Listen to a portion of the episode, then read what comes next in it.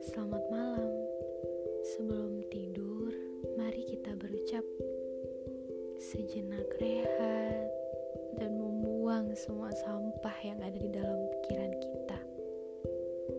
Sebelum kembali membuka mata selebar-lebarnya untuk menyambut esok hari dengan berbagai suguhan skenario untuk kita lahap sampai